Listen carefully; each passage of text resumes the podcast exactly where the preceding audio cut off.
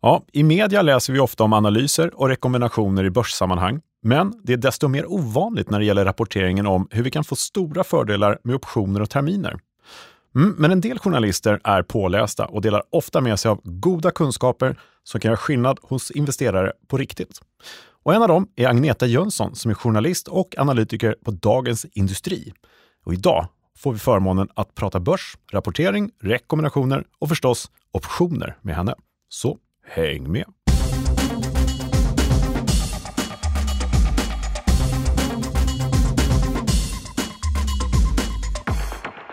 Ja, välkommen tillbaka till Optionspodden. Det här är podden ser kunskaper som ingen privat eller professionell investerare på börsen bör vara utan, tycker vi. Mitt namn, Kalle Björkegren, befinner mig på Smile Studios, stående mitt emot Thomas Bernholm. Från Nasdaq. Ja. Varmt välkommen tillbaka, Thomas. Tack så mycket. Hur känns det? Bra, ja. och vi får säga varmt välkomna till alla lyssnare också. Ja, men precis. Tillbaka till alla lyssnare. Men det kan ju vara så i och för sig, eh, kan man ju säga att om du är ny lyssnare till Optionspodden, tillkommer ju några då och då, så ska man inte missa de här inledande avsnitten vi har. Just det. kan vi säga med en gång, ja. eller hur? Vi har Precis. några stycken. Och då de mer ja. utbildande. Ja, det var ju faktiskt eh, tanken från start, att vi eh, gick igenom grunden och grundpositionerna och strategier och sånt där i begynnelsen, eller hur? Mm. Så de kan man ju faktiskt med fördel lyssna igenom. Just det. Man kan lyssna igenom dem en gång till om man redan gjort också. eller? ja, ja, bra. För att inte göra annat i vardagen än lyssna på optionspodden. Exakt. Nej. Men du, eh, eh, ja, vi kör igång direkt. Hur mår börsen? Har vi frågat det förut? Mm. Starkt sidlänges brukar du säga. Precis. Mm. Där sidlänges vet jag inte. Sidledes brukar jag säga. Ja, det kanske går bra både och. Det tror jag. Men starkt sidledes. Men uh, mm, ja, det händer ju lite grejer mellan varven. Det var ett par veckor sedan sist. Och uh, ja, det är ju som så att uh, lite mer oro i leden har ju liksom lagt sig som en sorts filter över hela marknaden tycker jag. Och nu börjar vi snacka inflationsrisk också. Mm. Mm. Länge har vi haft eh, låga, låga, låga räntor, typ inga räntor alls. Eh, inflationen har de försökt kämpa upp sådär. Men nu börjar man snacka om att vad händer om inflationen sticker rejält? Det ska bli mm. spännande att höra om det återspeglas i dina siffror när det mm. kommer till den biten. Precis, så är det ju. Mm. Men sen eh, kan man ju fråga sig lite grann, hur rapporteras de börsen egentligen? Det är ju det vi lever av egentligen, alla som håller på med börsen. Mm. Läser om nyheter och sådär. Ja, det är man ju väldigt beroende av. Ja, men lite så. Och hur kommer man fram till en köp och säljrekommendation till exempel? Vi som har jobbat inom banksektorn har ju eh, haft analytiker som våra kollegor och sådär. Och de sitter ju och studerar varje dag. Och när du sitter och handlar så kanske du har dina egna köp och säljrekommendationer till dig själv, eller? Hur gör du? Ja, men det är bra att inspireras av någon annan såklart. Och sen, sen, så tittar man på kanske optionsstrategier och sådär mm. själv såklart. Men det är jättekul att eh, Agneta Mm. Jönsson från Dagens Industri kommer att vara med oss idag. Yes, och det är kanske det som är nyckeln. Hur rapporteras det liksom från mediehåll? Mm. Sådär, lite grann. Eh, så ja, det ska bli väldigt spännande, tycker jag. Även på tal om rekommendationer, man ser ju sällan eh, alltså, rekommendationer om hur man ska vikta om och sånt där med hjälp av derivat. Ja, det är man ska vikta mm. om lite grann med eh, mm ändra aktieportföljens struktur och så. Ja, lite mer traditionellt så här, sen förr i världen höll jag på att säga. Så, mm. så nej, men det är ju eh, eh, några finns det där ute som faktiskt nämner det här. Precis. Eh, och eh, idag ska vi träffa Agneta från Dagens Industri som faktiskt rapporterar en hel del om det här. Mm. Eller mellanåt i alla fall. Ja. Så det är bra. Och innan vi drar igång ska vi påminna mm. lite grann om hoodies kanske. Just det. Som vi pratade om senast. Det har varit mycket snack om hoodies eh, i mejllådan. Bra. Mm. Och vi låter ut fyra stycken. Ja, till och med november ut. Det betyder att det här är sista chansen, va? som vi påminner om det i alla fall. Exakt. Men november ut, eh, men sista chansen eh, att skicka in sin strategi med motivering. Mm. Eller ett ordspråk med motivering kan vi också. Exakt. Två kategorier har vi. Ja, precis. Missa inte det. Nej. Så, men vi, vi kommer tillbaka till det i slutet också, lite påminnelse igen. Ja. Ifall någon skulle missa det just här mm. nu. Men du, då kastar vi ja. oss in och ser hur marknaden mår. Ja, men vi gör det. Vi Bra. kollar hur marknaden mår. Okay. Yes. Jaha, Kalle, hur ser det då ut på börsen? Hur är läget? Ja, aktiemarknaden eh, mår rätt bra skulle jag säga generellt sådär. Eh, men det finns ju lite oro i leden. Jag skulle vilja eh, kommentera den här marknaden just nu som sidledes handel under högre volatilitet mm. än vad vi sett tidigare. Och mer konkret? Mer konkret så har vi ett VIX-index som faktiskt har klättrat upp mot 20 och ja, till och med 21 har vi printat. Men sist jag kollade så var det här eh, printat till 20,4. Mm. Och det här är då en uppgång från de nivåer som var väldigt låga tidigare, som vi pratat om. Som, ja, det låg ju tidigare på ja, 15,5-16, ett par avsnitt här sen. Och förra gången vi pratade vidare för att det låg på 17,23, klättrade uppåt lite grann där. Ja. Eh, så vi har haft lite mer oro i leden på det sättet. Det har varit lite mer ja, volatilitet helt enkelt. Men då ska vi också veta att det har varit lite saker som har hänt i marknaden. Vi har haft en rapportperiod bakom oss och eh, högt ställda krav på de rapporterna, bland annat. Mm. Eh, sådär. Så, och en del annat som har stökat till det lite. Så att marknaden har eh, tryckt upp riskfaktorn lite grann här. Riskpremien är högre helt enkelt. Men fortfarande fullt, ska man vara noggrann med att säga, att det är ett kontrollerat lugn mm. ändå. Mm. Och det är inga större riskmoment som finns att ta på. Utan den här nivån 2021 på VIX-index, den är fortfarande fullt acceptabel för att ta risk i aktier. Mm. Men ändå har stigit ungefär 3 procent sen, sen förra avsnittet? Ungefär, ja. någonting ditåt ja. Mm. Sen tittar vi även på eh, oron. Och oron är ju helt enkelt vad man är villig att betala i reda pengar för skydd på nedsidan. SKEW-index. Och här kan man bara konstatera att oron är stabilt hög. Den har liksom inte ändrats. Den har heller inte tilltagit. Tidigare så har vi haft sådana här ökade, alltså VIX har ökat, men då har också SKEW ökat med den. Mm. Så att det liksom har varit ännu mer oro i och med ny risk. Sådär. Nu har VIX ökat, men SKEW-index har inte varit så här väldigt, det har kommit upp lite grann, det har det. Men inte på de nivåer som vi hade tidigare. Minns du att vi pratade om 150-nivån? Ja, det etablerade sig där en mm, ganska lång tid. Det gjorde ju det. Mm. Eh, jag skulle säga från ja, midsomras till ja, ska säga, slut september kanske, mm. så var det mellan, eh, ja, över 150 och det var väldigt, väldigt hög nivå. Eh, och sen så eh, gick SKEW-index ner för att nu ha kommit upp lite grann igen. Så nu ligger eh, SKEW-index på 140, eh, 147 ungefär, 100, ja. 148. Vilket är väldigt högt. Allting över 140 anser man fortfarande over there ja, är liksom en hög orosfaktor. Då, då. Så att det är inte tilltagande, men eh, det är stabilt hög oro fortfarande. Man är fortfarande beredd på bakslag i marknaden. Och ganska mycket linje man ser tillbaka två veckor när vi talade senast. Ja, un ungefär kom, samma. Ja, ungefär samma. Kommit upp en del har gjort, men inte så att det är någonting ja. att bråka om sådär. Okej, okay, eh, tack. Och sen tittar vi då även på eh, hur man hanterar optionskontrakten på VIX-index. Väldigt intressant. Om man inte har gjort det tidigare så kan det vara en ett bra mått och det heter ju VVIX-index, ett extra V där framför. Och det är Volatility of VIX-index. Och jämför den här mot VIX-index i sig själv så får du ju eh, en bra indikation på hur villig man är att betala för premium på VIX-optioner. Mm. Det vill säga hur stor kommer volatiliteten på risken att vara. Det blir lite nördigt, men om man ja, lyssnar, alltså tar in det lite grann så är det inte så svårt att förstå. Det man kan se här är att vi har en skala mellan 2 och 8 kan man säga. Går upp över 7 där någonstans, ja då får man oftast en sättning efteråt har vi sett. Det är mm. nästan självuppfyllande då. Eh, däremot så knallar den här ner mot 5 och då liksom var allting avtagande och eh, vi fick ju en liten sättning på börsen där. Den här börjar klättra upp mot 7 igen nu, har den gjort. Eh, ration är helt enkelt mot VVIX och VIX. Eh, och sen har den liksom stabiliserats där kring någonstans ja, 5, 6 någonstans. Sist jag kollade nu så var det 5,87. Mm. Och det är lite lätt uppgång från förra gången vi pratade om det, var det 5,30 ungefär. Så att det är lätt avtagande oro ändå, generellt sett, sista tiden här, för en ökad marknadsrisk. Så kan man konstatera. Okay. Så det är inte så väldigt mycket oro att VIX-index ska sticka upp av någon anledning då i mm. närtid. Så de här tre, om man tar dem sammantaget så blir det ja, en ganska god analys på vad marknaden själva förväntar sig. Då. Bra. Så där har vi en liten syn. Så att, eh, ja, lite högre risk i marknaden, men ingenting som är tilltagande av orosmoment än så länge. Inget alarmerande. Inte så. Ska vi kika lite grann på eh, mm. implicit volatilitet och, ja, i våra papper? det kan vi göra. Mm. Och eh, man tittar då på OMXS30. Historiskt så har vi väldigt lite rörelse, eh, risktermer på OMXS30. En historisk volatilitet under 10. Mm. Det har liksom legat och hovrat en del då. Mm. Och det har ju varit här kring ja, 23, 0, 23, 30 nivån, 23, 00, 23, 70 var det mm. någonstans där. Eh, så att det var väldigt lite rörelse historiskt sett bakåt här.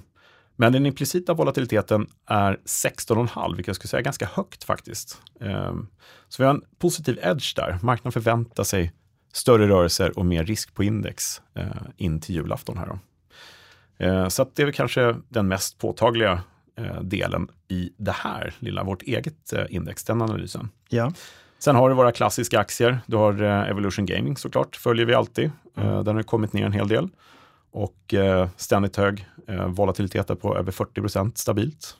42,5 implicit volatilitet. En negativ edge då helt enkelt. Precis, den har ju historiskt sett rört sig väldigt mycket, 50% historiskt. Så att eh, man tar ner risken lite grann i Evolution rent rörelsemässigt. Sen är det hög risk så att man får ju mm. sätta det i relativa termer förstås.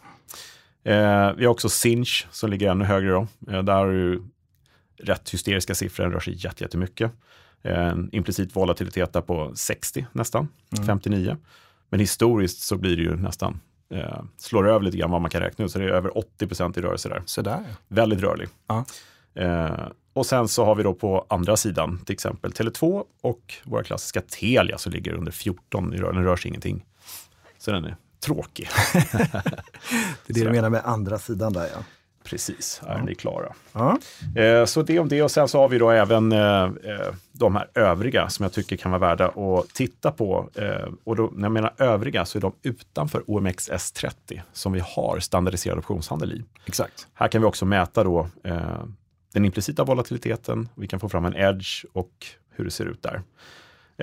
Ja, här har vi ju till exempel Fingerprint har ju varit lite kul. Många som tittar på den. Eh, den är väldigt kortad, blankad till exempel. Där har vi starka rörelser, 65,6% implicit vol med en historisk på 83,3. Men de som känner till Fingerprint vet ju att det här är en extremt livlig aktie. Då. Eh, Embracer, väldigt eh, rörlig också. Eh, och vad har vi mer? Ja, SAS var det någon som ställde fråga om här. Men SAS är ju så pass eh, eh, eh, billig aktie, 1,50-1,48 man står i. Mm. Eh, och då blir volatiliteten per definition då, extremt hög. Just det. Så det går inte riktigt att eh, härleda det sådär. Okej. Okay. Och de här siffrorna finns på optionsbloggen.se? Jajamensan, mm. volatilitetsrapport. Mycket bra. In och hämta där. Kika på det. Yes. Så det var lite det om marknaden och eh, eh, här har man då lite idéer om man har eh, tanke om att investera i sina egna innehav eller nya innehav av de här topp 69 bolagen. Är det, va? Eh, som har standardiserad optionshandel. Eh, om man nu vill göra en strategi för en uppgång, nedgång eller inför årsskiftet, någonting sånt där, så kan man titta lite här. Men jag tänkte att vi skulle ta det också med eh, en tvättäkta reporter som har lite, ja men, vet kanske mer än vad vi vet hur nyheterna på börsen påverkar och sådär. Så man kan få lite idéer där. Mm. Vad tror ni? Mycket bra. Ska vi ropa in Agneta? Det tycker jag. Gör vi det. Ja, då får vi säga varmt välkommen till Agneta Jönsson från Dagens Industri. Tack. Varmt välkommen. Tackar. Det känns lite så här, du är ju journalist och mediavan till tusen. Och nu känns det som att man står på fel sida. Så här. Man nästan, eh, vi är vana att ställa frågor till eh, gäster, men eh, nu är man lite orutinerad nästan. Så jo, vi jobbar ju lite på olika sätt. Jag, ja. menar, vi, jag jobbar som analytiker på DI, men mm jag är också med i sådana här sammanhang. Vi mm. har egna poddar. Vi har en podd som heter Analyspodden som vi gör en gång i veckan där vi turas om ja. på analysredaktionen. Och sen mm. gör vi ju Börsmorgon, det här tv-programmet där vi mm. har gäster men också företagsledare och sånt. Så där brukar jag vara med en gång i veckan. Ja, också så gör en hel del sådana där grejer. Ja. Men eh, det här är ju lite kul för det är lite andra saker vi ska prata om. Ja, men precis. precis. Ja, vi följer ju självklart alla de programmen på DI och det är bra inspiration för, för oss amatörpoddare, om man säger så. Men ehm, ska du mm. börja berätta lite grann om dig själv lite grann om eh, din bakgrund och, vad du gör lite grann och sådär? Jag jobbar som sagt idag då som analytiker på Dagens Industri och framförallt följer jag bankerna, finanssektorn, men också en del andra bolag och börsen som helhet och sådär. Eh, och innan dess eh, var jag vd på en tidning som hette Finansliv, där jag var också var chefredaktör. Det var en branschtidning för finansbranschen. Mm. Och sen jobbade jag på Aktiespararna, där jag var chefredaktör för deras ja. tidning, men också för deras uppdragsanalys, Analysguiden då en period. Ja. Och sen har jag varit på Affärsvärlden. Mm. Och innan dess så jobbade jag faktiskt i finansbranschen halva karriären. Mm. Så jag började med ekonomlinjen i, på Linnéuniversitetet då. Eh, Växjö? Växjö, Aha. precis, för mm. evigheter sedan. och då gick jag en sån här traineeutbildning eh, som var populärt då på dåvarande Föreningsbanken. Ja. Och då skulle man runt på banken och gå på alla avdelningar om man skulle bli någon slags här framtidens chef. Och då kom jag in på det som heter notariatavdelningen, där, yeah. man handlar aktier och derivat eh, i oktober 1987. Mm. Okay. Och det var ju den roligaste avdelningen av alla, så jag ville ju inte gå på de andra sen. så då fastnade du där? Så då fastnade jag där ja. och sen sökte jag mig vidare till Malmö då som hade en större aktivitet på aktiehandel och sånt. Bland annat hade man ett litet kontor i Malmö börshus och sådär. Okay, ja. Och sen vidare till SEB i Stockholm. Mm. Där jag jobbade på den här avdelningen som heter SEB Aktiehandel som jobbar med väldigt affärsintensiva privatkunder och mindre stiftelser, man säger de här som är steget under institutioner. Ja, ja, just det. Ja. Och sen var det Matteus fondkommission. Ja. Eh, som då ville satsa på kvinnliga mäklare ja. och rådgivare, så då kom jag dit. Ja. Ja. Och sen hamnade jag på Trevise Private Banking eh, och så blev då uppköpta utav danska Unibank och så åkte vi in i Nordea. Och där träffade jag er också då Just faktiskt. Det, stämmer det. En enda stor sammanslagning där av alla firmor. Precis. Ja. ja det var mm. Aros och Nordea Securities blev det sen och sådär. Ja. ja, precis. Och då så satt vi där eh, hösten 2002 var det inte jättekul att jobba som aktiemäklare. Det Nej. var inte så många kunder som ville göra affärer då. Mm. Nej, just det. det. Och de som ville hade inga pengar kvar. Nej, Nej. Nej det var surt just då. Var det ju. Så då läste jag Anders Haskel skrev i dåvarande Finanstidningen mm. att det var så få tjejer som skriver om aktier. Mm. Så tänkte jag, men det är kanske det man ska göra istället, att man skriver om det som man pratar med kunderna om. Ja. Så då sökte jag in på Stockholms universitet och gick en magisterutbildning i journalistik. Så det var ett litet kul avbrott också. Mm. Ja. Och sen har jag på den vägen är det så att säga. Så att jag har mixat de här två sakerna och så även, även parallellt kan jag hjälpa till och varit lite rådgivare för eh, förvaltning av pengar och sådär. Mm. Affärsvärldens stiftelse och eh, Aktiespararna också, så att säga, en ganska stor egen portfölj som hjälper ja. till att förvalta. Så. Sådär. Ja, det är en gedigen bakgrund ja, redan innan du vände blad så att säga, till journalistiken. Ja. Eh, så att, eh, Ja, och, nej, inspirerande. Och aktieintresset, kom det på universitetet där eller var det ännu tidigare? Eller? Egentligen inte, utan det var först när jag började jobba. Mm. Jag kommer inte från en bakgrund där man har hållit på så mycket med det, men det insåg man att det här var ju faktiskt riktigt spännande. Just det. Och jag brukar säga den första affären jag gjorde, hade jag kanske inte gjort idag om jag förstod risken. Mm. Eh, för då det första jag gjorde var att utfärda köpoptioner på index. Jaha, så okay. där. Och det var ja. jättekul. Det kom in pengar på kontot utan att jag behövde göra någonting. Jättepraktiskt. Jättepraktiskt. Ja. Och då tänkte jag, men det här vill man ju fortsätta med. Mm. Så sen fick jag ju lära mig vad det handlade om. Ja, Bästa skolan på ett sätt. Ja, lära sig sina misstag. Ja, men, uh, mm. ja, så det var första affären. Så optionsintresset kom ganska tidigt då? Ja, det var ganska mycket. Ja. Kunder som, var in, som jobbade med derivat. Ja. Eh, då. Mm. Ja, det har inte funnits, eh, alltså jag tänker vi, eh, vi har också varit med sedan mitten 90-talet. Det har inte mm. varit optionshandel så himla länge i Sverige. Om man ska Nej. säga så. Kom 85 och så utvecklades det. fanns ju inte ens säljoptioner först va? För mig. Jag kommer inte ihåg riktigt. Lite osäker. Ja, men det, det utvecklades ju, han utvecklades verkligen och exploderade på 90-talet. Så att, eh, sen ja. efter 87 så utvecklades även det här med säkerhetskrav och ja, sådana här grejer också. Mm, precis, så att, mm. äh, men spännande. Och idag eh, i din roll då på, som analytiker på Dagens Industri, så hur mycket användning har du för just eh, den optionskunskapen du sitter på? Eh, tittar du någonting på det sådär i man vet ju hur prissättningen fungerar. Mm. Och eh, det är ju inget kanske man tittar på varje dag, men ibland kan man använda sådana här strategier. Mm. Till exempel om man skriver om blankningar mm. så tycker jag ju att man, om man blankar så ska du kanske köpa en billig köpoption som skydd ifall ja, det kommer det. uppköp på aktien och sådana här grejer. Ja. Och vi tittar också lite, har tittat, skrivit lite om sådana här eh, strategier som eh, att du hedgar mm. din portfölj, att mm. du kan göra lite din egen hedgefond, att du har en dedikerad portfölj där du verkligen tror att du har alfa och så kan du sälja index emot mm. och lite sådana där saker. Ja, alfaskapande. Jättebra. Ja, det är ju det har jag faktiskt inte tänkt på. Din egen hedgefond? ja, ungefär. ja, precis. Men eh, det, det, går ju att göra mycket sådana här saker. Sen i media skriver vi ju inte om instrument direkt, utan Nej. det är ju när det händer något.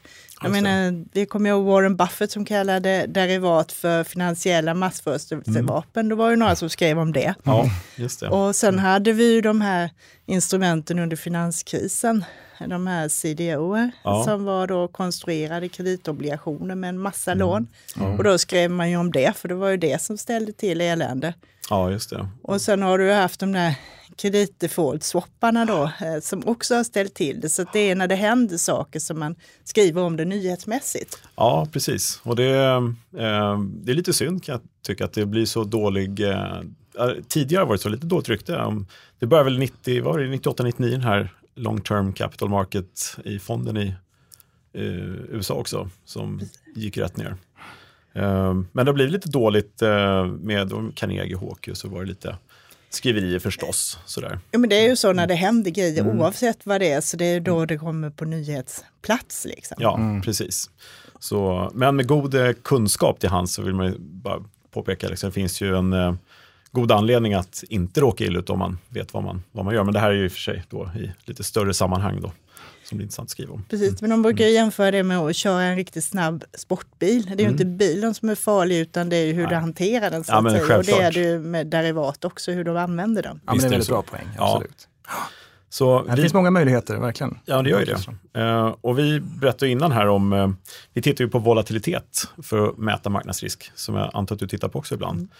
Eh, och vi kollar ju också på SKEW-index och sånt. Och, eh, ja, jag är ju lite nördig, jag jämför ju då VIX-index med V-VIX-index, volatiliteten på VIX-index och sånt där. Hur mycket av de här delarna tittar ni på på redaktionen som håller på med börsen? Det är nog lite blandat. Jag ja. har VIX-index som en eh, mm. fast eh, ja. punkt på min infront-skärm. Ja. Så, att, så att det är ju en signal en, när man ser, och där kan man, det känns lite som att det är ett intressant motvallsinstrument. När mm. VIX-index kommer ner på låga nivåer, då kan du ju köpa eh, exponering fallstussa upp och det ger ju ganska bra hävstång. Mm. Eh, som, också som en form av försäkring. Ja, nu har du legat och skvalpat där strax under 2017 18 mm. och igår eh, började du piga till ja, lite igen. Här. Kom upp lite grann, ja. Och det är ju ofta att det kommer ganska stora rörelser så där får mm. du liksom förbereda dig innan att du köper när det är lågt och sen mm. eh, kanske ta motsatt position om det, står, om det hoppar upp väldigt högt. Ja, just det. Men det är ett bra mått så att säga för att titta på generella marknadsrisken. Ja, men det är det ju. Ja, även om man inte handlar med optioner så, att säga, så kan man ändå få en bra indikation den vägen. Jag tyckte det var jätteroligt att höra. Nu får du lite vatten på din kvarn där, Kalle. Du brukar alltid prata mm. om VIX och sådär. Så ja. det var jätteroligt att höra. Mm. Mm. Men eh, om man tittar på eh, case, om, om, du som analytiker då på eh, redaktionen på Dagens Industri ska ja, men, hitta ett case eller letar du efter ett case eller är det så att du snappar upp en nyhet och tar ett case därifrån eller hur funkar det? Hur det kan vara lite blandat. Mm. Eh, dels kan det vara bolag eh, som man redan kan och följer där det kanske är särskilt billigt eller det händer något eller mm Eh, det, rent, eh, det ser intressant ut även baserat på teknisk analys. Mm. Då kan man passa på att skriva om det då.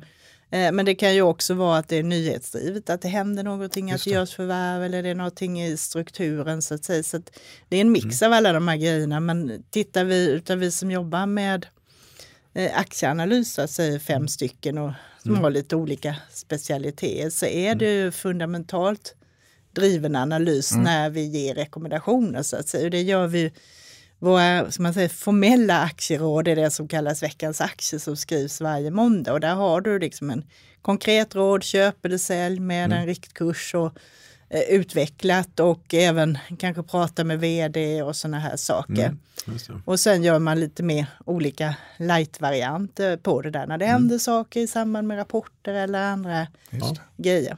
Mm. Har du något favoritnyckeltal eller aktieanalys och sådär? Någonting som du känner att du tittar extra mycket på? Det, dels är det ju liksom, man tittar ju på allt, allt möjligt, så mm. men när man skriver ut då tycker jag att man ska försöka göra det så enkelt som möjligt för läsarna. Mm. Att för många kanske det är svårt att förstå ev ebit och sådana här grejer och då är det kanske enklare att referera till P tal och historiska mm. snitt och sånt där.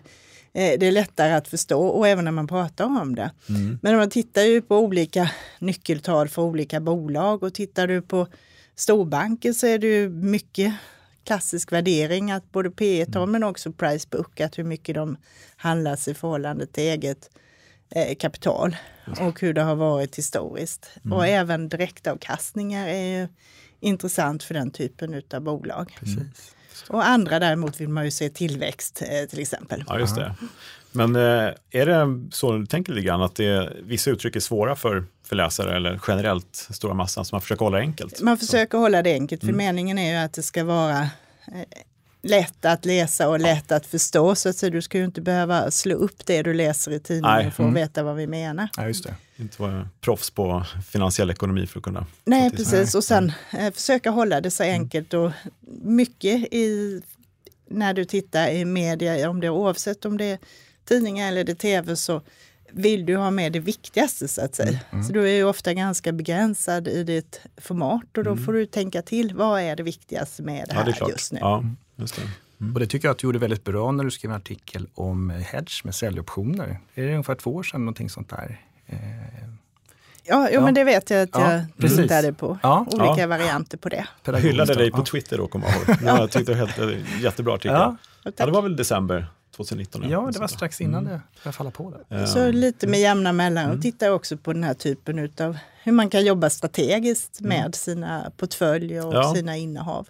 Och det mm. beror ju på lite på marknadslägen också. Ja, så är det ju. Mm. Jag tycker det var bra det du sa med att hålla det enkelt, för att det blir ju hela Alltså optionspodden, den är ju väldigt riktad förstås. Och eh, det vi gör här i samarbete med Nasdaq är förstås att eh, utbilda då i optionsinstrumenten som vi har handlat med alla år.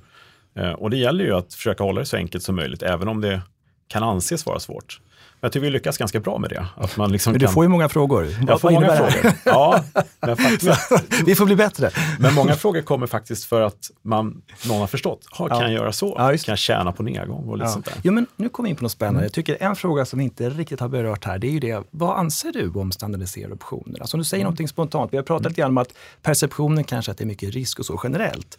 Men om du har någonting som du skulle kunna säga om vad du anser? Som, när jag jobbade i marknaden jobbade vi mycket med det framförallt för större kunder så jobbar man med en sån här strategi som covered call och så mm. när du äger aktien och så utfärdar du på nivå där du ändå kan, kan tänka dig att sälja. Och, så här. och det som är positivt är ju att det är som säger, du kan ju räkna ut ett värde på dem. Du vet vad kostnaderna är. Så för mig är det transparenta produkter. Mm. Eh, många av de här produkterna som finns idag på eh, privatsidan, olika typer av certifikat, olika typer av varanter, mm. så är det svårare som privatperson att se vad det är man får för pengarna. De gör ju sitt jobb så att säga, så köper du en, en eh, kolposition så stiger den ju när underliggande stiger i värde, men du vet ju inte riktigt mm. vad du får för pengarna så att mm. säga. Nej, precis. Det är olika villkor för eh, standardiserade, eller vad säger jag, inte standardiserade, strukturerade produkter. Ja ett enda institut som står för dem och de gör ju som de vill förstås. Och det är svårt då att mm. se. Du, ja. Klart du kan tjäna pengar på dem, du kommer rätt i din marknadstro, mm. men eh, i vanliga fall fokuserar man ju väldigt mycket på avgifter vad mm. det gäller det här med framförallt fonder men andra positioner. Men när det är de här är det lite lurigare att se. Och en del erbjuder väldigt lågt courtage eller till och med gratis courtage på sina egna certifikat och så, men det är klart att de tjänar pengar på dem i alla fall, ja. fast på ett annat sätt. Ja, nej, men man kan komma åt andra marknader och så. Det finns ju bra fina instrument, men som sagt svårt att kanske bryta ner dem på ett enkelt sätt. Så det är väl det, så att transparensen mm. ska jag komma till att det är en fördel då med ja. standardisering. Ja, men precis. Har, har du någon mer sån här strategi som du ofta applicerar sådär och med, med kunder? Och Kavalkod nämnde du, men finns det någon sån här? Sen är du motsatsen också, om du har kanske så, tagit hem lite vinst i GI så kan du ställa säljoptioner på nivåer där du kan tänka dig att köpa tillbaka dem igen. Mm. Eh, så att mycket det här att man utnyttjar och får in lite extra avkastning på sånt som du ändå skulle göra så att säga. Ja, men precis. Ja. Att du jobbar dynamiskt med sina mm. eh, portföljer. Lite mer aktivitet bara. Så. Och du kan addera ganska mycket avkastning om, även om du är långsiktig, om vi säger du har långsiktiga innehav och sen eh, kan du utfärda köpoptioner mm. några gånger eh, per år. Ja. Och, och, lägger du till det till direktavkastningen så kan du få ganska bra effekt. Mm. Ja men faktiskt, och det är kul att höra. Men jag tänker så här, i, hela det här året tycker jag personligen har varit så att alla väntat på den stora nedgången. Det har gått jättestarkt uppåt och många, jag har fått frågan jättemånga gånger då, um, när kommer den stora kraschen, hur ska jag göra för att skydda mig på nedsidan? Så där. Och då har vi pratat ofta i podden här om man kan ju sälja terminer mot sin portfölj eller som du också nämnt, man kan köpa säljoptioner på sin portfölj eller på det enskilda innehavet. Eh, och massa andra strategier. Och massa andra strategier förstås. Ja. Men det är väldigt eh, sällan man läser om det i ekonomisk media, om möjligheterna med att kanske skydda sig i all enkelhet med en säljoption. Likt den du skrev för ett par år sedan och gjort flera gånger sedan dess också. Varför tror du att det kan vara så? Är det för svåra kunskaper eller blir det för svårt för läsarna? Jag tror att väldigt mycket är nyhetsdrivet och då mm. hamnar du i det här att du mm. skriver när saker och ting mm. har hänt så att ja, säga. Det. Eh, att det, det är inte så många som har den här lite mer rådgivande eh, synen. Nej. Så att ibland kan man ju skriva om det som sagt var på det sättet att våra läsare tycker det är kul att läsa om strategier ibland. Och då försöker man ju tajma det lite beroende på vad mm. marknaden är. Det lite skakigt, jag menar kanske man är lite sugen på att skydda sig. Är det mm. lågt ner kanske man vill göra andra saker. Ja, just det. För annars har det varit så, eh, det har gått ner rejält under åren, så är det först när man är på botten där som det kommer artiklar från så här ska du vikta om din portfölj och sådär. Och det kan ju många säga, att det är så dags då så att säga. Skulle man gärna innan velat höra så här, ja men skulle köpt en säljoption eller? Ja, men det mm. tror jag du har förklaring just att mm. väldigt mycket är nyhetsdrivet. Mm. Eh, så det sitter i, det. i ryggmärgen att det är ja. då du agerar, att du får den här frågan. Idag går det ner 4 varför gör det det? Ja. Det är mer den ja, eh, logiken.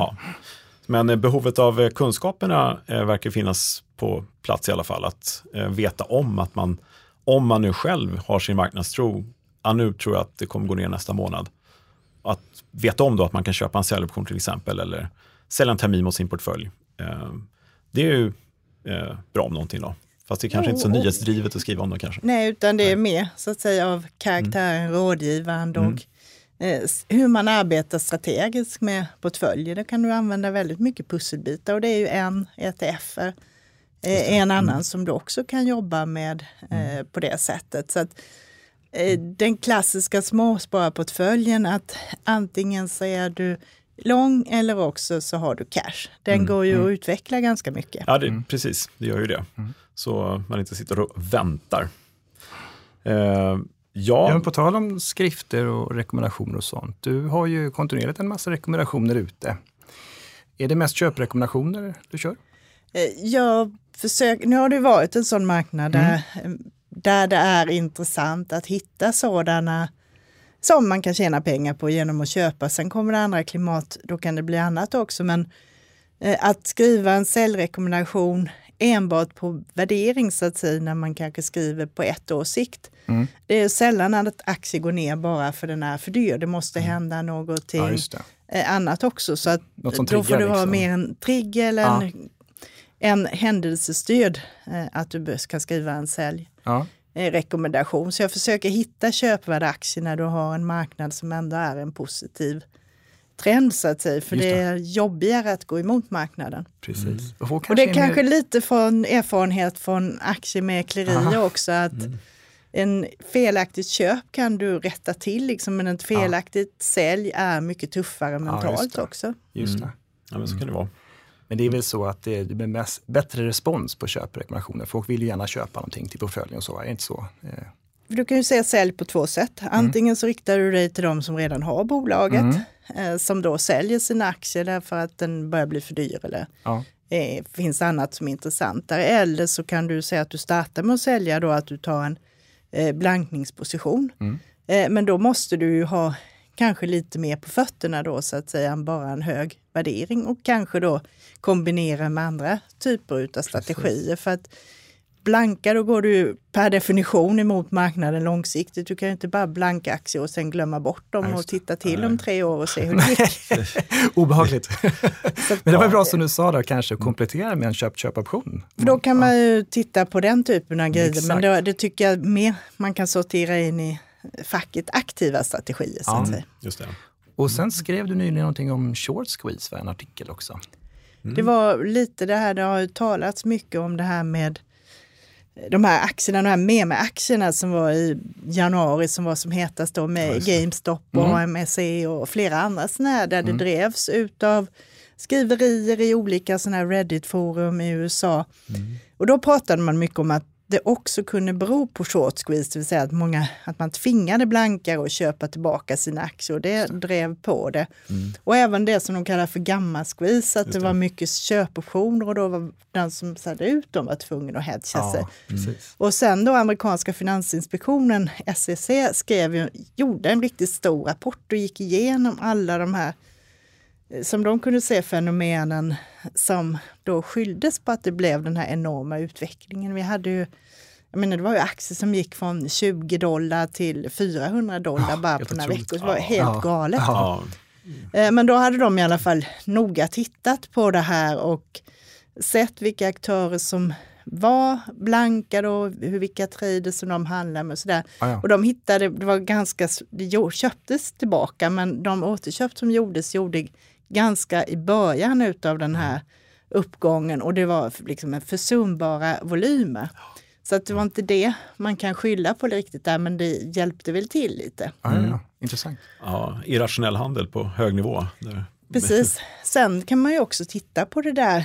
Vi har ju på svenska marknaden har vi den här tjänsten Holding som sammanställer eh, de mest blankade positionerna. Alla mm. som blankar måste ju rapportera in till Finansinspektionen och de som är mer än en halv procent av bolagets aktier är offentliga och de som är på 0,20 rapporteras in men är inte offentliga. Nej.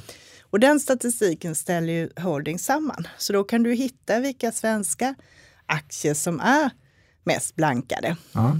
Och är du ute efter det här short squeeze-fenomenet, det kan du vara, leta efter med lite flit. För att om vi säger att du vill spekulera i en att det kommer en riktigt bra rapport eller det är en händelse så har du då att det är väldigt mycket aktier blankade. Mm. Och sen kan du lägga till det här som kallas för day to cover, hur lång tid ja, det. det. tar att köpa tillbaka de ja, här under normal omsättning. Antal dagar liksom. Så. Ja, och har du då en aktie med, där det är mycket blankat, dålig likviditet och det kommer en riktigt positiv nyhet, mm. då, kan du, då får du extra ja, svung på det här. Precis. Så det är ytterligare en sån här pusselbit man kan lägga till ja. när man kollar på bolag. Ja, och var hittar man det, om, om lyssnarna här nu undrar? Det finns på den här tjänsten Holdings, det är en tjänst man får betala för och vill man inte göra det så finns det ju liksom statistik på Finansinspektionen och sådär där ja. man kan råda runt i själv ja, om man vill. Och en artikel på Dagens Industri. Och man kan läsa, vi tittar på det med jämna mellanrum. Det skrivs mm. också på nyhetsplats. Mm. Ganska ofta att man rapporterar ja, om det har kommit nya blankare och om det händer saker. Så man kan uppe på sin börsskärm. Det kan man uppe så. Ja. Så jag för mig att Fingerprint låg i topp där. Den Fingerprint låg i topp och eh, även de här Oncopeptides som har ja, haft det, det väldigt jobbigt. Ja. Det var också en stor andel.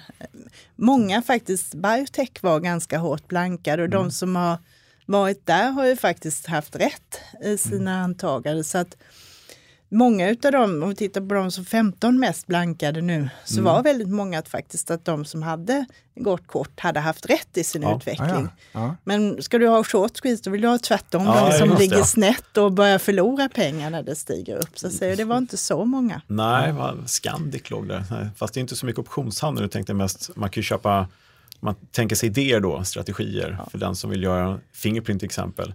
Nu har vi gått igenom volatiliteten just på Fingerprint, det är väldigt hög. Ganska dyra optioner, dyr premie. Man kan ju tänka sig en köpa en kol lite lätt på uppsidan om man nu tror på den här squeezen ska komma inom kort. För då kan du få väldigt bra utväxling. Ja, hävstångseffekten och allting sånt där. Sen eh, periodvis har ju Ericsson eh, varit bland de mest mm. bank, blankade och mm. där finns det också mycket att göra. Mm. Ja, likvida aktier dessutom. Likvida aktier, ja. så att, eh, de brukar ju dyka upp så det varierar lite på de där listorna mm. så man kan hålla koll på vad som händer. Ja, ja det är faktiskt riktigt kul, bra, ja nu vet jag inte hur kul det är med squeeze och så här, finns det någon som bränner sig också men ja. eh, det kan ju finnas eh, bra affärsmöjligheter, liksom. speciellt med optioner som mm som man kan köpa med en mm. begränsad mm. risk. Då, en premie, sådär. Och de här artiklarna vi pratar om, de kan man också söka efter på, på Dagens Industri helt enkelt? Precis, ja. vi har ju sån här artikelsök. artikelsök där ja. man kan söka på ämnen och namn och sådär. Mm. Tittar du, analyserar du hela börsen eller har du specialitet i bankaktier till exempel? Eller någonting? Mest bankaktier och mm. sen har jag hållit på med lite andra eh, sektorer och bolag som jag haft sedan gammalt också, typ ja. Securitas och sådana där. Ja lite blandade skurar. Vi är inte lika Nej. hårt hållna som på bankerna som är Nej. väldigt nischade, utan vi hoppar lite över gränserna mm. men vi har ändå lite sådär sektorindelning. Mm. Som jag har mycket bank och finans. Vi har mm. kollegan Magnus Dagel som har varit fastighetsanalytiker tidigare ja. som följer den sektorn, men även andra grejer. Han skrev bland annat en tecknare på Volvo Cars som blev väldigt bra. Mm. Härligt. Jag har kollegan Johan Wendel som är duktig mm. på spelbolagen, mm. men även en del på läkemedelssidan. Mm. Och så har vi Rickard Bråse som skriver om Ericsson och Telekom, men också lite spridda skurar vad det händer. Mm. Grejer och Mikael Wilenius som är vår mästare på Factset och databas mm. hantering som är jätteduktig på att ta fram en massa sådär historik och grejer. Men även följer verkstad och så. Han hade köprekommendation på Sandvik nu som är väldigt billig i ja. måndag. Så mm. där kan man få en uppsida kanske mot en 40 procent. Och det är också som sån aktie där det faktiskt går att göra en hel del grejer. just det. Sandvik uppsida 40 procent. Vad skulle du ha för strategi där, Thomas? Beroende på tidshorisonten förstås. Men tre det, månader? Ja, nej, men kan då kan en kol sitta fint, annars kolspread. Ja, precis. Jag brukar, säga. brukar säga... Trebening. Ja, trebening mot eh, innehav ja. brukar du ha. Eller vad brukar Nej, ha? Ratio mot innehav brukar Ja, precis. Mm. Fast den är lite mer begränsad. Mm. Men har du någon eh, sådär kandidat som du vill lyfta fram i synnerhet? Sådär, någon aktie som du känner att den här har en bra uppsida utöver Sandvik som du nämnde. Då, men... jag, tror att hela banksektorn kommer att fortsätta. Nu har det ju gått väldigt bra, eh, men jag tror vi fortsätter få det här med att vi får lite brantare yieldkurva. Inga jätteuppgångar på räntorna, men tittar vi på amerikanska tioåringen ligger nu någonstans mellan 60 och 70, att du kommer upp kanske mot en 2 procent. Och att vi får se det här så småningom också, att de långa räntorna blir lite högre Mm. Och det gynnar ju banksektorn. Så jag tror att vi kommer att fortsätta ha positivt mm. momentum. Sen gjordes det ju en del stora reserveringar för kreditförluster i början av pandemin. Mm. I de amerikanska bankerna har redan löst upp en hel del av de här, vilket boostade resultaten nu här under ja. eh, tredje kvartalet bland annat. Men eh, de svenska bankerna har inte riktigt Hängt gjort med. det. Nej. Så att där tror jag också kan komma lite framöver här, om det inte nu blir värre med pandemin så att säga. Men, så att det kan få hålla i sig. Men de här stora uppvärderingen eh, tror jag kanske vi har, den har vi lite bakom oss nu. Så mm. Ja. Om vi tittar på Nordea till exempel så rekommenderar vi köpa dem i april 2020 på mm. 57 kronor. Mm. Och den ligger ju bra till nu. Verkligen. Och där kanske man kan tänka sig att ta hem lite vinst runt 115 kronor eller däromkring. Ja. Så inga större nedgångar men kanske säkra hem ja. lite. Just det. Just det. Och den, den som inte eh, har positioner och tänker att det kanske, som du säger, går bra närmsta tiden, så är ju till exempel, har vi pratat om, eller jag har sett i marknaden, det finns ju dels de som du sa, Thomas, köper calls, men call spreads då, att du köper en call och säljer en call emot på uppsidan. Så tar du in ett spann, så kanske mer sannolikt att det inte går upp mm. 20 procent närmsta tre månader, utan kanske 4-5 procent. Och då kan du ja. jobba på det sättet. Ja visst, och så har du en fullt begränsad nedsida med premie du betalar netto. Då. Mm.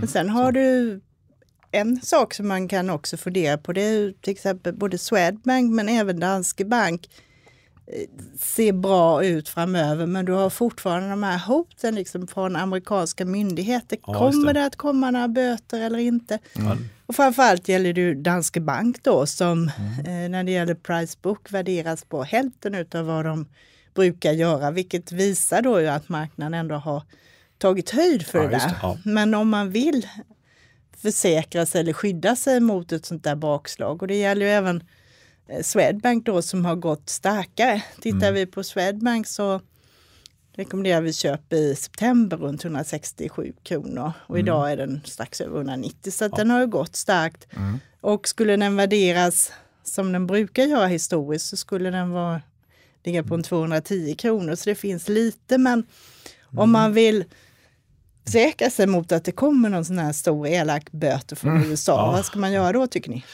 Ja, jag, jag är lite inne på att kanske släppa aktierna och köpa en kolspread. Eh, Eh, lite grann så. Så mm. då, då är du med och det är ingen jätteuppgång vi pratar om kanske. Eller hur? Nej, och det, eh. riskpremien är ganska fin i aktie, eh, rent ja. eh, volatilitetsmässigt. Så. Nej, men sen beroende på volatilitet, såklart, eller implicit volatilitet, mm. och man kanske helt enkelt försäkrar sig med en putt eller en puttspread mot mm. aktieinnehavet. Man kanske till och med kan göra en eh, covered call, man kanske inte får så mycket premie in eh, för den uppsida man säljer, men man kan ju då bygga på med en fence och försäkra sig på nedsidan Så man finansierar med en del av premien till exempel. Mm. Så där har vi tre snabba. Ja. eh, köpa en call på uppsidan eller callspread. Ja. Och jag är ledsen att behöva nämna ratio mot innehav igen, men det kan vara att man släpper halva innehavet. Han tjatar om den hela tiden. jag vet det, för det är ja, så bra. Han har en favoritstrategi. Mm. men man släpper halva innehavet kanske mm. och kör en ratio mot innehav. Ja, men visst. Exempelvis. Eh, nej, men det finns ju eh, eh, kombinationen av eh, goda analyser och se över extra kunskaper med vad man kan göra med optionshandel är ju faktiskt någonting som du sa inledningsvis, där, att man kan skapa det kan bli ganska bra utfall mm. i resultatkurvan på portföljen. Många möjligheter. Mm. Men hur ser det ut med värderingen på optioner på de här eh, tillväxtbolagen och spelbolagen som har fått ganska mycket mm. stryk nu? Där borde optionerna vara ganska dyra väl? De är extremt dyra. Eh, och, ja, vi hade ju eh, innan här så gick vi in och tittade till exempel på vår eh, lilla lista. Eh, ja, vad hade vi? Vi hade i och för sig spelbolag, men Fingerprint väldigt högt värderad. Eh, var det något speciellt papper du tänkte på? Se om vi har den Man här. tänker mm. som Evolution till exempel, ja, är det många som gillar och då kanske det kan vara kul att komma in i dem via en sån strategi. Ja, precis. Evolution Gaming pratar vi om varje avsnitt i och med att den är så pass eh, livlig då. och mm. den har ju kommit ner ganska mycket sen ja, sista det, månaden. Mm. Nej, men Evolution Gaming är ju eh, eh ganska dyr, 42 procents implicit volatilitet, så eh, premien är ju ganska dyr där. Men samtidigt har den kommit ner från ganska höga nivåer ja, också. Ja, det har varit så. mycket högre. Mm. Men jag vet att många med fördel har gjort eh, eh, covered calls där och hört av sig om det. Just Evolution och lite andra sådana som är dyra. Mm. Och tänker att de då får lite mer extra betalt i premie. Men det kan ju vara kul att plocka upp sådana aktier också med en utfärdad säljoption kanske också, om man får bra betalt. Det kan vi absolut göra. Eh, eller om man tycker det blir dyrt krona för krona så kan man göra just en call spread och man tror att den ska gå upp då till ja, tillbaks upp till 1400 nivån eller ännu högre till exempel. Så ja, lite hur riskbenägen man är då generellt sett. Uh, sen var du inne på tidigare, gjorde du en jättebra grej, sålde en strut mot Evolution Gaming. Sålde halva innehavet och sen sålde du en strut mot At the Money. Just det. Och eftersom det är så pass dyrt då, uh, dyr premie, fick in ganska bra premium och sen uh, identisk risk då. Uh, går det ner då får du på dig lika många aktier igen. Mm. Går den upp, då blir du av med resterande aktier och så har du fått en bra premie mm. som du kan räkna hem. Då. Mm. Och de, de tycker jag är jättebra just när man har innehav. Mm. Däremot när man inte har det, ja. så är de positionerna ganska jobbiga för det stannar ju nästan aldrig där du vill, nej, utan du nej. måste jobba vidare med det då så att du får vara del ja. i en längre plan. Nej, precis. Ja, men sälja en strut just, eller sälja optioner generellt utan ett innehav mot är ju förenat med viss risk. Säljer du en, en putt naket, det är ju exakt samma risk som en aktie då, eh, och äga den kan man ju ha med sig. Men sälja en köpoption till exempel, en naked call istället för covered, ja, och så kommer ett uppköp eller jättestark uppgång, då har du ju sålt rätten till någon annan att ja, köpa av dig till ett billigare pris. Att säga. Då blir det dyrt. Då kan ja. det bli väldigt dyrt, ja. Precis. Det var lite grann din första strategi där som du pratade om också.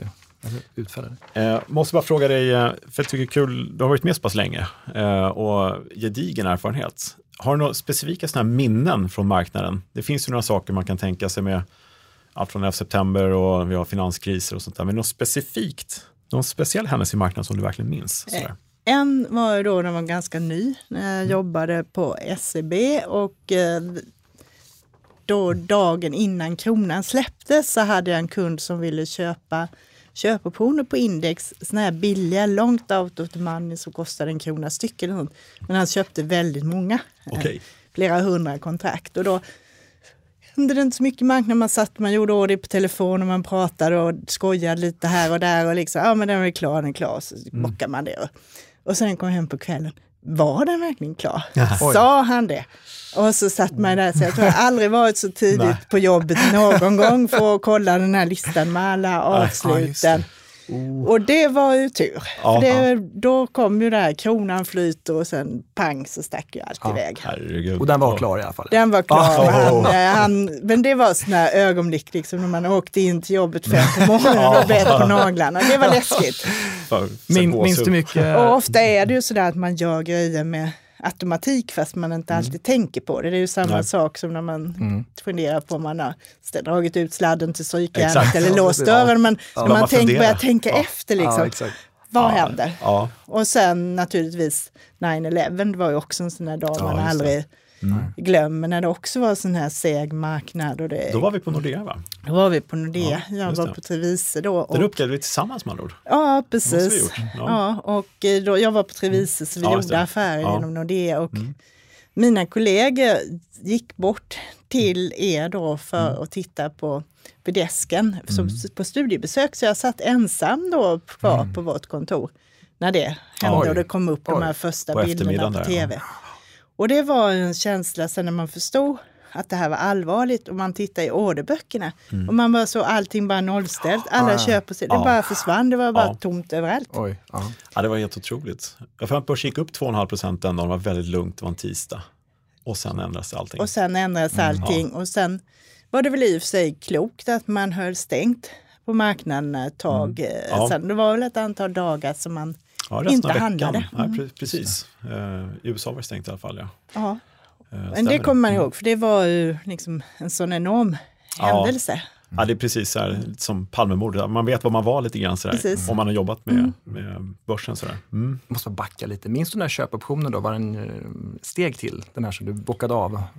Jag kommer inte ihåg exakt, men det, men det var, var, väldigt mycket och det var eh, stora pengar så ja. att säga. Och särskilt för en mm. privatperson så var det väldigt mycket. Så att den som gjorde det han var glad? Eller? Han var glad. Ja. Så. Ja. Ett tag i alla fall, jag vet inte vad han gjorde efter. Ja, Nej, men det var ju en av de här stora. Eh, mm. Och det var ju väldigt många också som gjorde pengar på mm. räntesidan. Ja, som det. köpte tioåriga svenska statsobligationer när då korträntan var 500 procent. Då hade du långräntor som låg upp mot en 20 procent. Oj, otroligt. Var det 92? ja, mm. så att när kronan föll, då åkte ju mm. alla räntor och alltihopa ner. Så det blev en enorm hävstång på långa obligationer just också. Det, just vilken rörelse. Ja, vad härligt. Ja. Härligt säger jag, men det är liksom intressant och spännande med minnen. Alltså. Så det händer, ju, det händer ju väldigt mycket och sådana grejer kommer ju att komma med jämna ja. mm. mellanrum också. Det, det kommer ju aldrig hända samma grej, men Nej. att det kommer såna här anomalier och störningar och svarta svanar, mm. det kommer vi nog att få leva med. Ja, det vet vi ju eh, på något sätt. Vi vet ju inte, men man kan vara ganska säker med att, ja. att räkna med det. Eh, ja, men eh, hör du Agneta, jätteintressant att ha dig här. Supertrevligt att få prata om optioner med dig. Måste bara ställa den klassiska frågan, vad tror du om börsen för resten av året och för 2022? Får man fråga det? Det får du fråga. Jag tror att eh, tittar vi nu så har vi eh, idag har vi mm. börjat en lite korrigering. Jag tror kanske att vi kan komma ner lite till på OMX-index innan vi tar fart att försöka gå över den gamla toppnivån där på mm. 2407 var väl ja. högsta stängningen där mm. i augusti. Mm. Så att, lite att hämta andan nu. Vi har ju haft, liksom, i USA har du all time high på all time high så att det behövs kanske också lite andpaus eh, innan det åker vidare. Så jag tror att vi kanske lite sidledes, många förvaltare också är kanske lite handelströtta, man har hanterat enormt mycket IPO mm. och gjort mycket affärer, att det blir lite lägre aktivitet nu. Ja, av naturliga skäl, ja precis. Och sen mm. kommer du förmodligen att få se att vi kommer över 2-4 någon gång här igen, kanske i samband med årsskiftet mm. och lite positiv januari och sen får man ta det därifrån helt enkelt. Mm. Är det någon inflationsrisk som kommer lite på tapeten? Ja, eh, eftersom jag håller på med bankerna mm. så funderar jag ganska mycket som jag sa på det här med räntorna. Ja. Jag tror att det kanske håller i sig lite längre än vad man trodde från mm. början vad det gäller inflationen. Mm. Att det blir mer spridningseffekter och det är lite svårare att eh, plocka tillbaka det där. Mm. Innan hoppades man att det skulle vara väldigt tillfälligt men nu tycker jag det börjar poppa upp lite på olika håll. Ja, lite ihållande. Så ja, mm. vi får väl se vad som händer. Ja. Tack men, så mycket igen. Ja, men, eh, jättekul att ha dig här. Och mm. eh, ja, vi, det känns som vi skulle kunna stå här länge till och ställa frågor. Men eh, vi kanske får skäl till att återkomma och kanske kan återkomma i ett senare tillfälle och prata mer med oss. Eh, men jag tänkte, tack så länge, men häng kvar. Vi ska bara avsluta med lite frågor som vi brukar få från våra tittare att ta upp. Så Eller lyssnare. Väl... Så tittare. ja, det sa tittare. Ja, ja. Men det, de, de kanske tittar på ja, det är podden. Sant. Ja. Ja, vi har lite frågor som vi brukar ta. Så vi, ska vi ta några sådana då? Mm. Så avrundar vi lite där. Så kör vi. Ja, Kalle, dags för frågor då antar jag.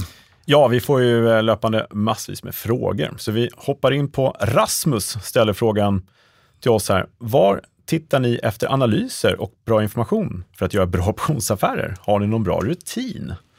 Ska vi inte fråga Agneta det då kanske? Jo, det kanske kan ju vara rätt lämpligt. Det är en fråga som dyker upp. Men vad tycker du Agneta man ska titta på efter bra analyser någonstans? Jo, det, finns, det, det beror på, är man kund så mm. får man ju analyser ofta från dem. Mm. Ställena man är kund hos några större banker, är man kund hos nätmäklare där man mm. sköter mycket själv så får man eh, kanske leta lite och då nu som sagt var vi gör ju en hel del på Dagens Industri. Mm. Men det, det publiceras ju oftast när det skrivs om ändrade rekommendationer och sånt och då kan man ju försöka leta reda på dem. Ja, Men jag ja. måste lyfta fram, jag tycker också att Swedbank har en bra tjänst eh, mm. som är öppen för allmänheten som heter Aktuellt. Som de också ja. skriver sammanfattningen kortare ut och analyser men mm. eh, som är bra information. Så den kan man ju googla efter. Ja. Och sen är det ju liksom att lägga pussel, att eh, försöka hitta, läsa på om bolagen. Det kanske inte är enskilda analyser men ser du att väldigt många börjar gå i en riktning eh, och sen är man aktiv så kanske lära sig grunderna lite i teknisk analys också och försöka mm, tajma ja. sin affär. Perfekt, ja, det är en djungel där ute och det är ju eh, analys för börsen som helhet som också skapar läge för bra optionsaffärer som vi pratat om tidigare. Det var jättebra tips. Ja, visst. Eh, sen fått ja, snabb fråga, vad krävs för att en aktie ska gå in och gå ut ur OMXS30? Och det är en mätperiod på sju månader, ett halvår.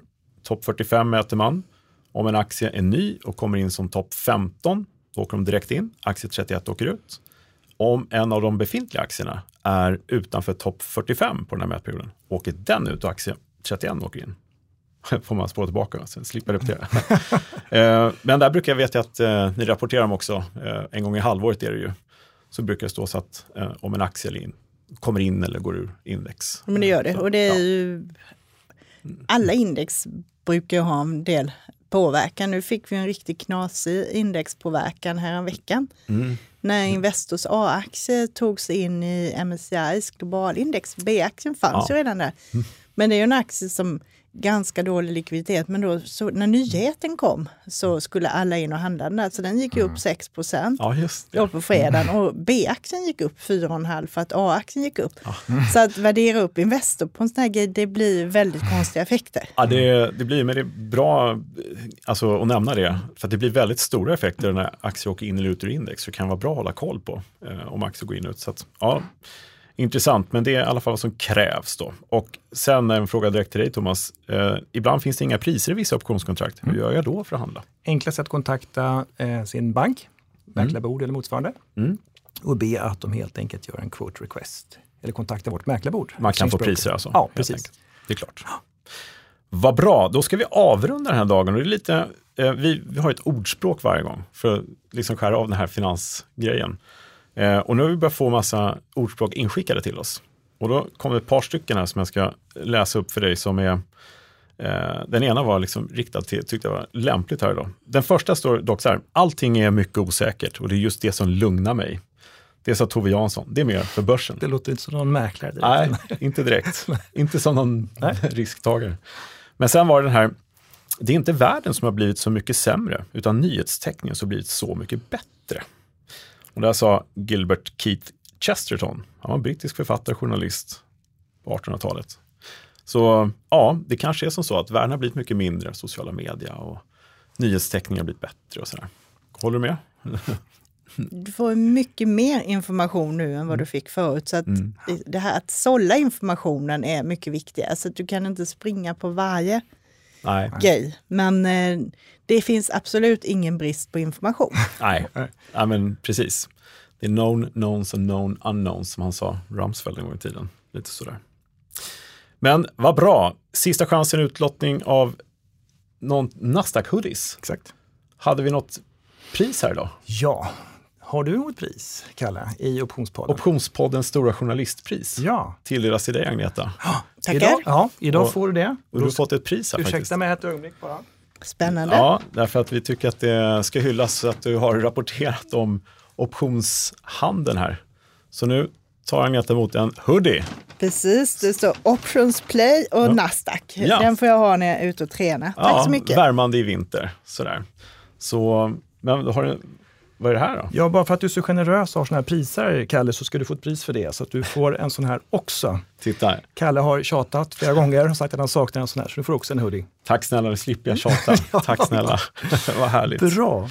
Men ska Men, vi börja runda av här? Ja, då? det gör vi det. Eh, tack så mycket för idag och återigen tack till dig Agneta tack, för att du kom till oss. Och tack. Mycket, mycket uppskattat. Mycket det var roligt att vara här. Ja. In på optionspodden.se och lyssna på tidigare avsnitt om man vill det. Eller följ mig på Twitter, att se Björkegren. Tack så mycket för idag. Tack. Tack Agneta. Hej då. Ha det bra. Hej.